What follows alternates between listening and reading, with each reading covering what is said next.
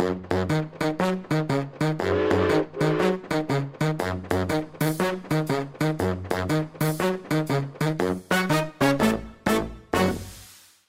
sitter vi her hjemme i eh, stua til ho Hilgunn Pedersen i Steitinveien i Kjøpsvik. Og eh, ho Hilgunn hun har eh, brukt mye tid på å forske i historie, både i Tysfjord og i nærliggende fjordene. Og den eh, personen som vi skal eh, prøve å nøste opp historien om i dag, det er jo historien om hun Buks-Berit. Eller Berit Johanna Paulsdatter Dypvann, som hun egentlig heter.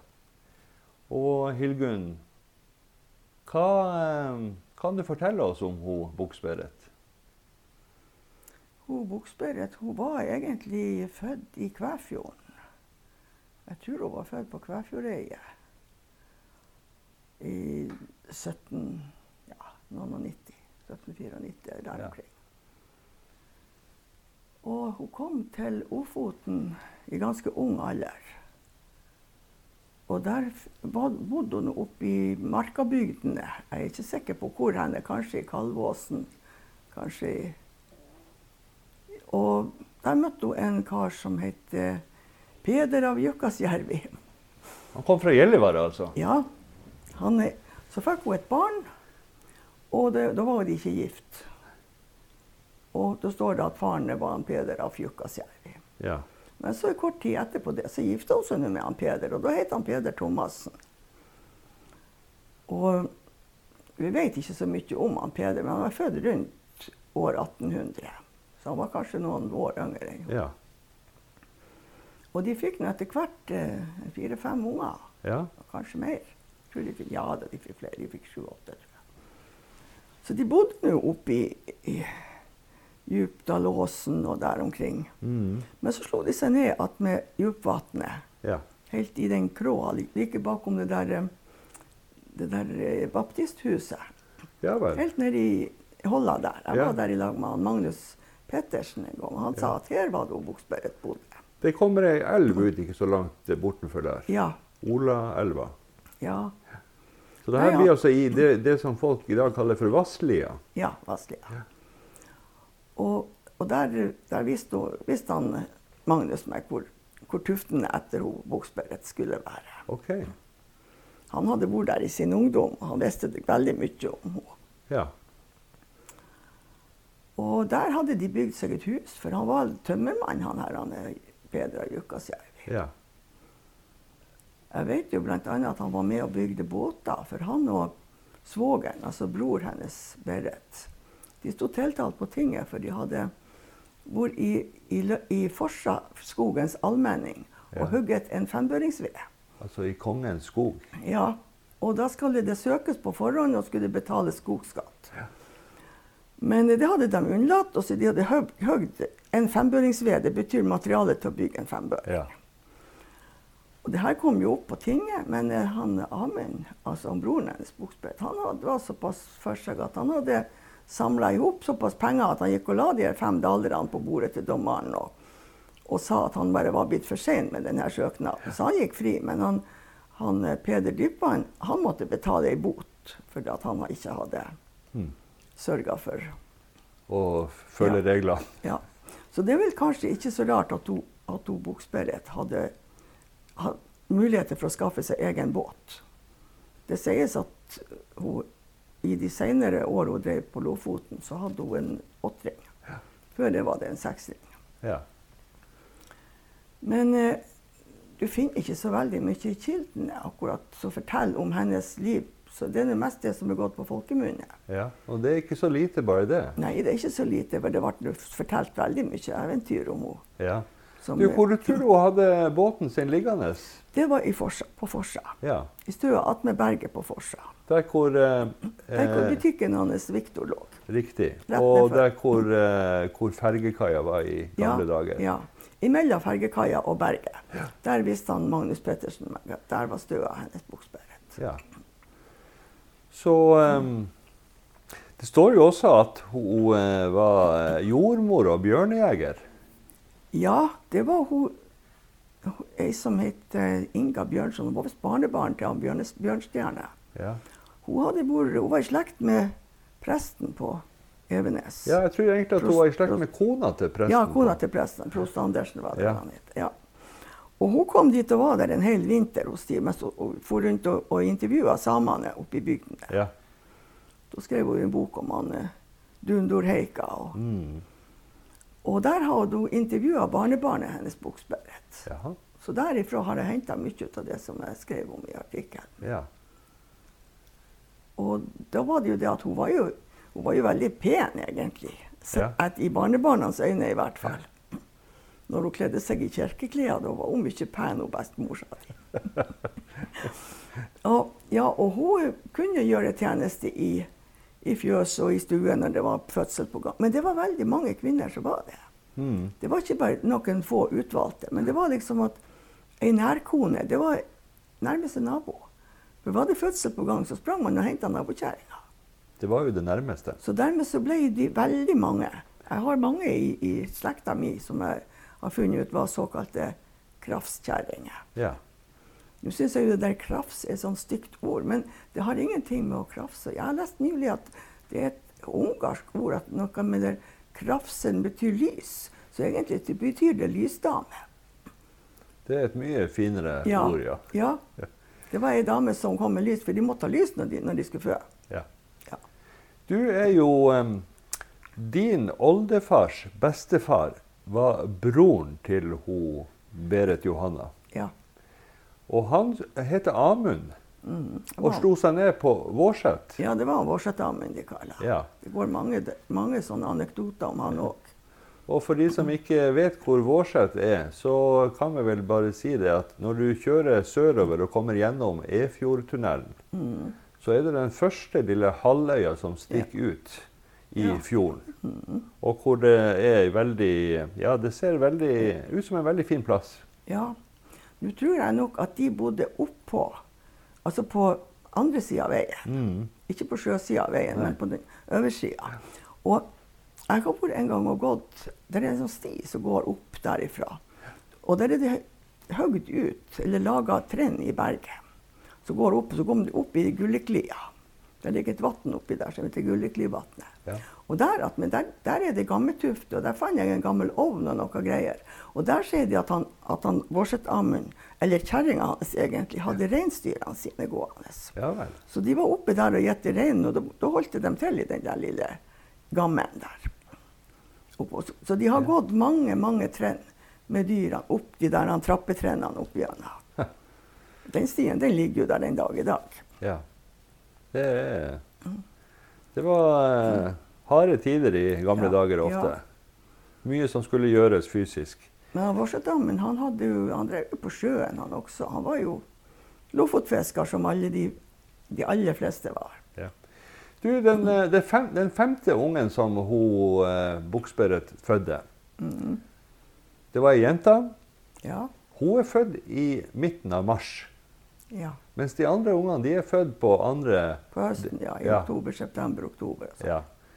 Så hva var Husker du denne historien om bakgrunnen for det er jeg som kaller det for Lofotungen. Lofotungen, ja.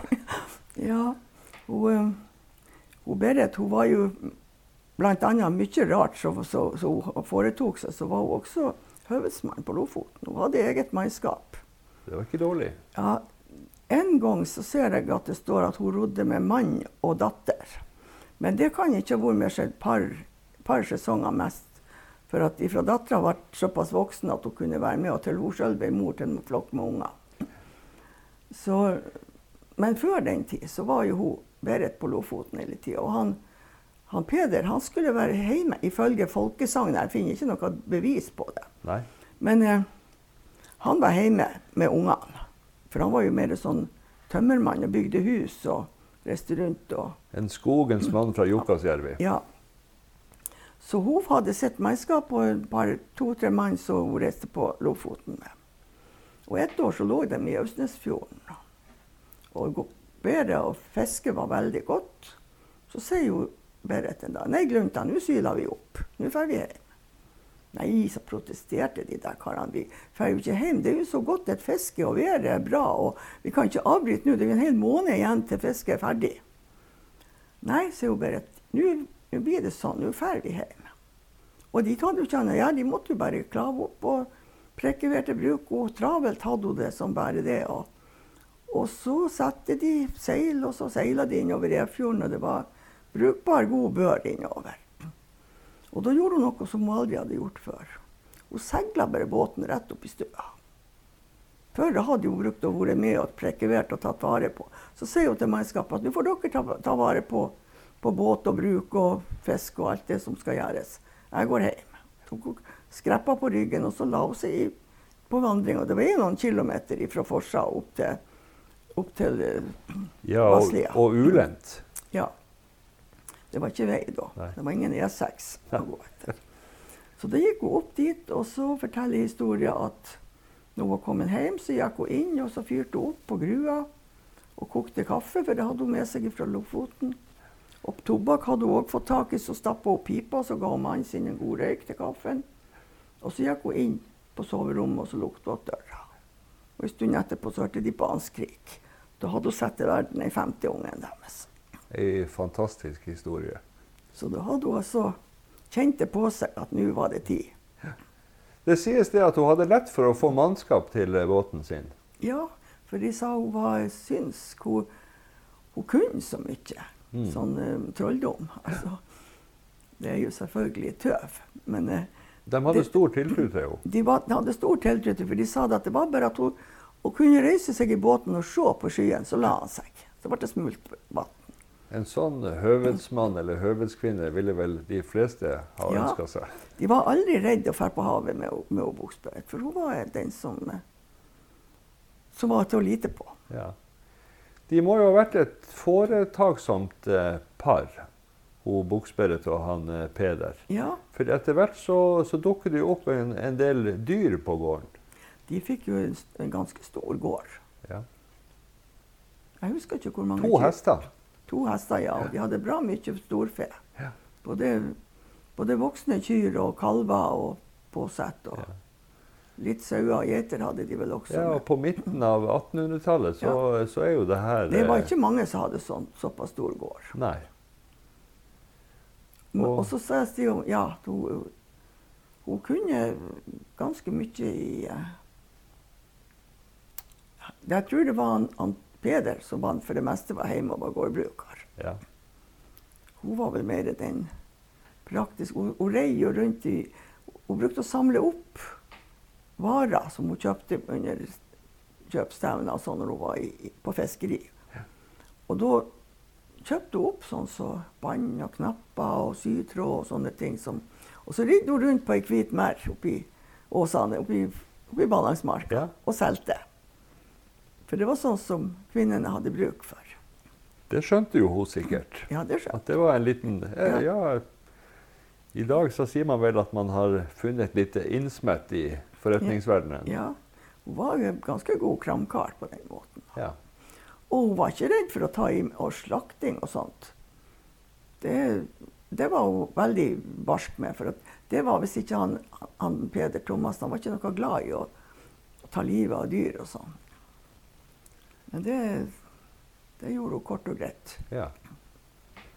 Det var ikke noe slaktemaske og sånt i den tida. Da var det Nei, og de tok jo vare på alt. De tok vare på alt. Ja. Absolutt alt. Blod og innmat og ja. skinn og alt. Det var viktig å ta vare på ja. alt. Um, har du hørt noen uh, av de her andre historiene? Finnes det noen, uh, finnes det noen nedskreven eller overført muntlig uh, bjørnejakthistorie med henne, Berit? Nei, jeg vet ærlig talt ikke. Men det, det sies at hun skal ha drept bjørn. Men jeg, jeg, kan, ikke, jeg kan, ikke, gjengi noen historie om det. Nei. Finnes det noen jordmorhistorier hvor hun er med? Nei. Ikke, så, ikke noe sånn spesielle. Det, det, er liksom ut ifra det som hun, Inga Bjørnson hadde skrevet ned. Det var jo ja. at, hun, at, hun, gjorde tjeneste som jordmor. Ja. Um, jeg regner jo med det at det finnes ei stor etterslekt Ja, etter hun Buksberget og han Peder.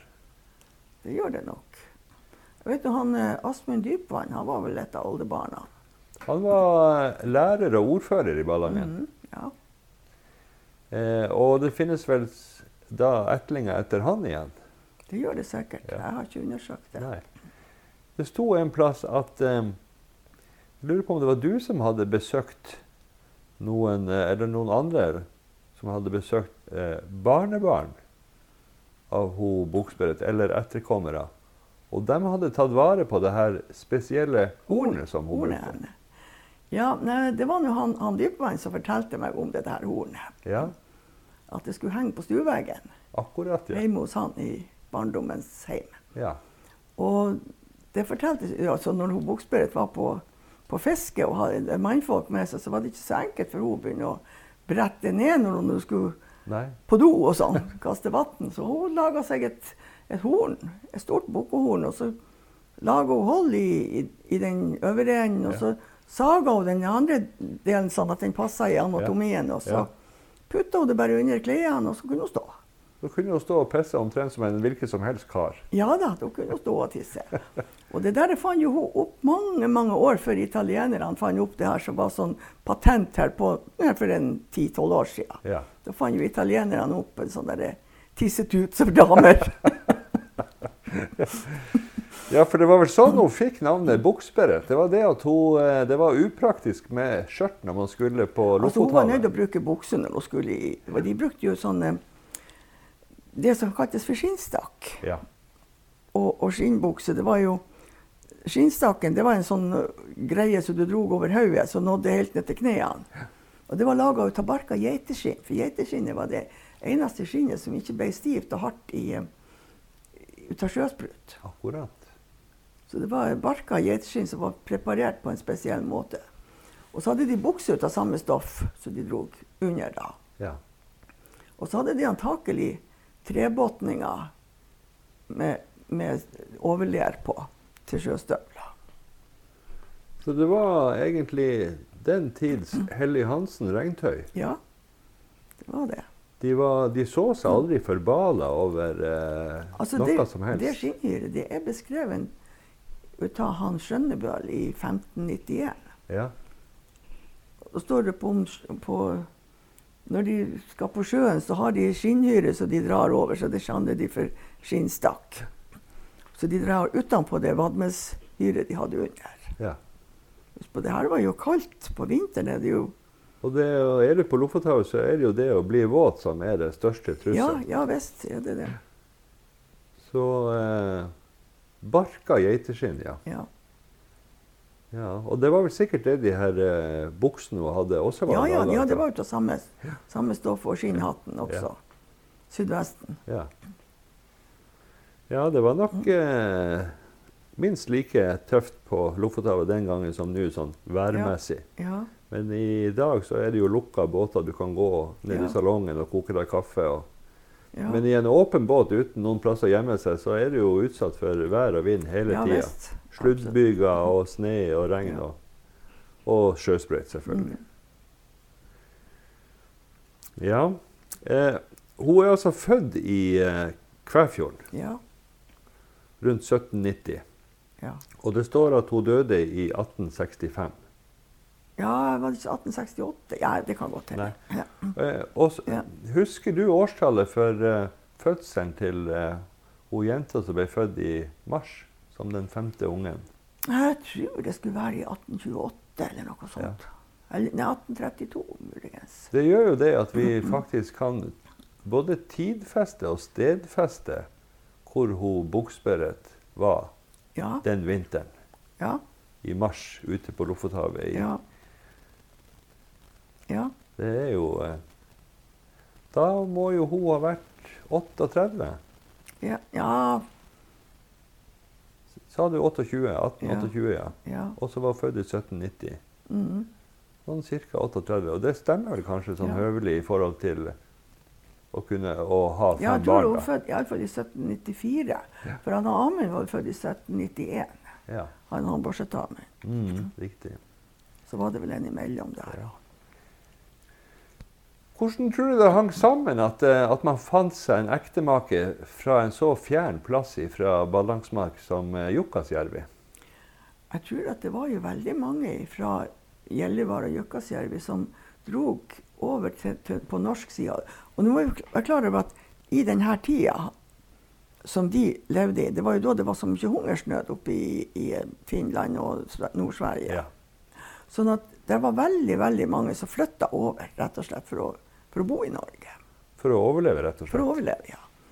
Det sies jo at, at kjerringa til han Amund Hun heter Karen, og de kalte henne for Pan-Karen. Hun var en, en, av de der såkalte Østenvindens barn. Ja. Du har hørt om Østenvindens barn? Nei, må du fortelle. Ja, nei, men De kalte det for det fordi at, at når samene kom over De kom vel gjerne over Tornedalen og ned til Bjerkvika. Ja så hadde de med seg unger fra andre sida som, som, både bumann og same hadde sendt med dem for at de skulle overleve. For at de hadde ikke mat. De, de svalt jo i hjel. Kornet ble ikke modent, og de, de, fikk ikke forsyninger. Og det var veldig mange som bukka under for, for hungersnød. Ja. Østenvindens barn? Ja, de sier de kom med østavinden. Ja. Det var noe poetisk ja. beskrevet. Ja. Og det var for at de, eh, de, de hadde ikke råd til å beholde ungene ja. sjøl. De Nei. hadde ikke mat nok i huset til å kunne Neida, og hun Karen kan jeg fortelle litt om. Hun er jo min stammor, da. Ja. Hun, hun, kom til Liland i Ofoten. Og der ble hun solgt til en, en handelsmann som Jeg husker ikke om hva han het, men det var en Klæbo. Eller det var i hvert fall en eller annen, en eller annen handelsmann. Ja. Jeg kan finne det hvis jeg leter. Og der ble hun um, han, han, betalte tre skjepper med for ungen. Og så skulle hun fostre opp. Men du vet at han så i henne Hun var jo bare ei lita jente, sju-åtte år kanskje. Ja. Han, at det kunne bli en bra tjener ut av henne. Men hun fikk uh, bo i fjøsen. Hun ligger i høyet, altså. Ja. Og vel, de hadde sikkert flere tause som bodde i, i fjøsen. Men hun bar så tungt med ved og vann, fortalte han Amund. For han Amund han var jo da i Kvæfjorden. Ja. Og så var han fått seg tjeneste på prestegården. Han var litt gløgg i hodet, han der Amund, sa ja. de. For han, eh, presten hadde sett gangen han da han skulle gå til konfirmasjon, at han der karen han var såpass gløgg at han trodde skulle sette på til lappelærer. Han skulle lære han opp, sånn at han kunne være lærer for samiske barn. Ja. Og der ble jo han Amund på prestegården. Han ble jo som en tjener, men han, presten leste jo med han og skulle få han fram i boklig lærdom, for han var veldig, veldig lærende. lærende. Ja. Ja. Men så var det at prestene de brukte jo affære til hverandre når de skulle betjenes med, med alterens sakrament. Så fant han ut at nå skulle han fære til Evenes og presten der. Og tok med seg noen roere. Ja. Så de gikk de vel over. og rodde fra Sørvika, eller hvor det nå var. Men i alle fall så hadde hun tatt med seg Amund og et par stykker til. Og de var kommet dit. Og de fikk bo på, i bårstua på, den, på Liland hos den mens at presten, han, bodde, han og kjerringa, de bodde på prestegården. Ja. Og de jo, brukte jo å være noen dager, for det var jo sikkert litt sosialt at de for på besøk. Det var ikke bare pga. nattverden, men det var for, for å treffe likesinnede. Det var viktig med det der med med sosial kontakt. Ja, og høre nytt, ikke minst. Ja. Og da fikk han Amund se denne jentungen. Da var han vel kanskje 17 år eller noe sånt. Ja. Da fikk han se denne jentungen som bar på vassbøtte og så streva så tungt og ved. Og så spurte han bonden hvorfor den ungen måtte slite så tungt. Og han sa det at uh, han hadde betalt tre skjepper mel for henne, så hun var nødt til å gjøre rett for, for verdien. Ja. Så, men hans Amund syntes så veldig godt om denne jenta. Hun var lys i håret og blå i øynene. Hun var ikke som en vanlig lappunge. Så han gikk til presten sin og så spurte han om han kunne få låne så mye daler som de der tre skjeppene mel kosta. Og det fikk han. Fikk han lov å ta jentungen med seg til, til prestegården i Kvæfjorden og, og fikk henne oppfostra der. Og der ble hun jo veldig godt mottatt. og blant de andre tausende. Så ble, ble jo der ei stund. Men så var det gått en par år, og så plutselig så var jo jenta gravid. Da ble de jaga. Mm. Da, de på, da bodde de oppe på fjellet på på Kvæfjordøy sammen med de andre samene. Og der ble vel antagelig han Pål født. Han eh, tippoldefaren min. Mm. Men av en eller annen grunn Jeg tror Buksberget da var kommet til Ofoten. Så vandra de nå iallfall av gårde, og så kommer de til Liland. Så døper de ungen der. Eller på, på Evenes, og så Ja. døper de ungen der. Og det var vel senhøstes. Han Amund er antagelig Jeg vet ikke når han er født, men antagelig i september eller oktober. Jeg tror de døpte han i oktober. Oktober døpte de han. Og i desember så gifta de seg samme sted. Mm. Samme året. Jeg tror det her er i 1817. Og det er jo ei tid hvor eh, ting er vanskelig i Ofoten. ja. ja. de har jo lagt bak seg ei tid med napoleonskrigene og, Ja, ja, kornmangel og dyrtid og eh, i det hele tatt det, det Og en, en eller annen gang imellom 1817 og 1821 så er det at han, Årsetammen og Anne da kommer, karen kommer til Årset og slår seg ned der. For de får et barn da i Ja, jeg tror hun er født i ca. 1820, og hun er døpt i Kvæfjorden. Men hun drukna noen par år seinere på Vårset. Mm. Da datt hun i havet, og så drukna hun. Hun Tra tragisk. Ja. Men de fikk jo tre unger til. Ja. Du eh, Hildegunn, hva du tror eh, hun ville ha sagt eller tenkt, eh, hun bokspørret hvis hun hadde visst at hun skulle bli et tema og ei historie nesten 200 år etterpå? Nei, det er vanskelig å si. Ja. Tror du hun oppfatter seg sjøl som spesiell? Nei, Jeg tror ikke det. Nei. det tror jeg. Men hun, eh, hun må jo åpenbart ha vært eh, både evnerik og Det var hun nok. Ja. Jeg tror de var ganske evnerike, alle de der folkene der. Hun hadde jo de der sønnene. Han ene yngste karen, han, han heter Jo. Joa kalte de han for. ja, Selvfølgelig står det jo Jon i kirkebøkene, kirkebøkene, men jeg har aldri hørt annet enn de kalte han for Joa. Nei.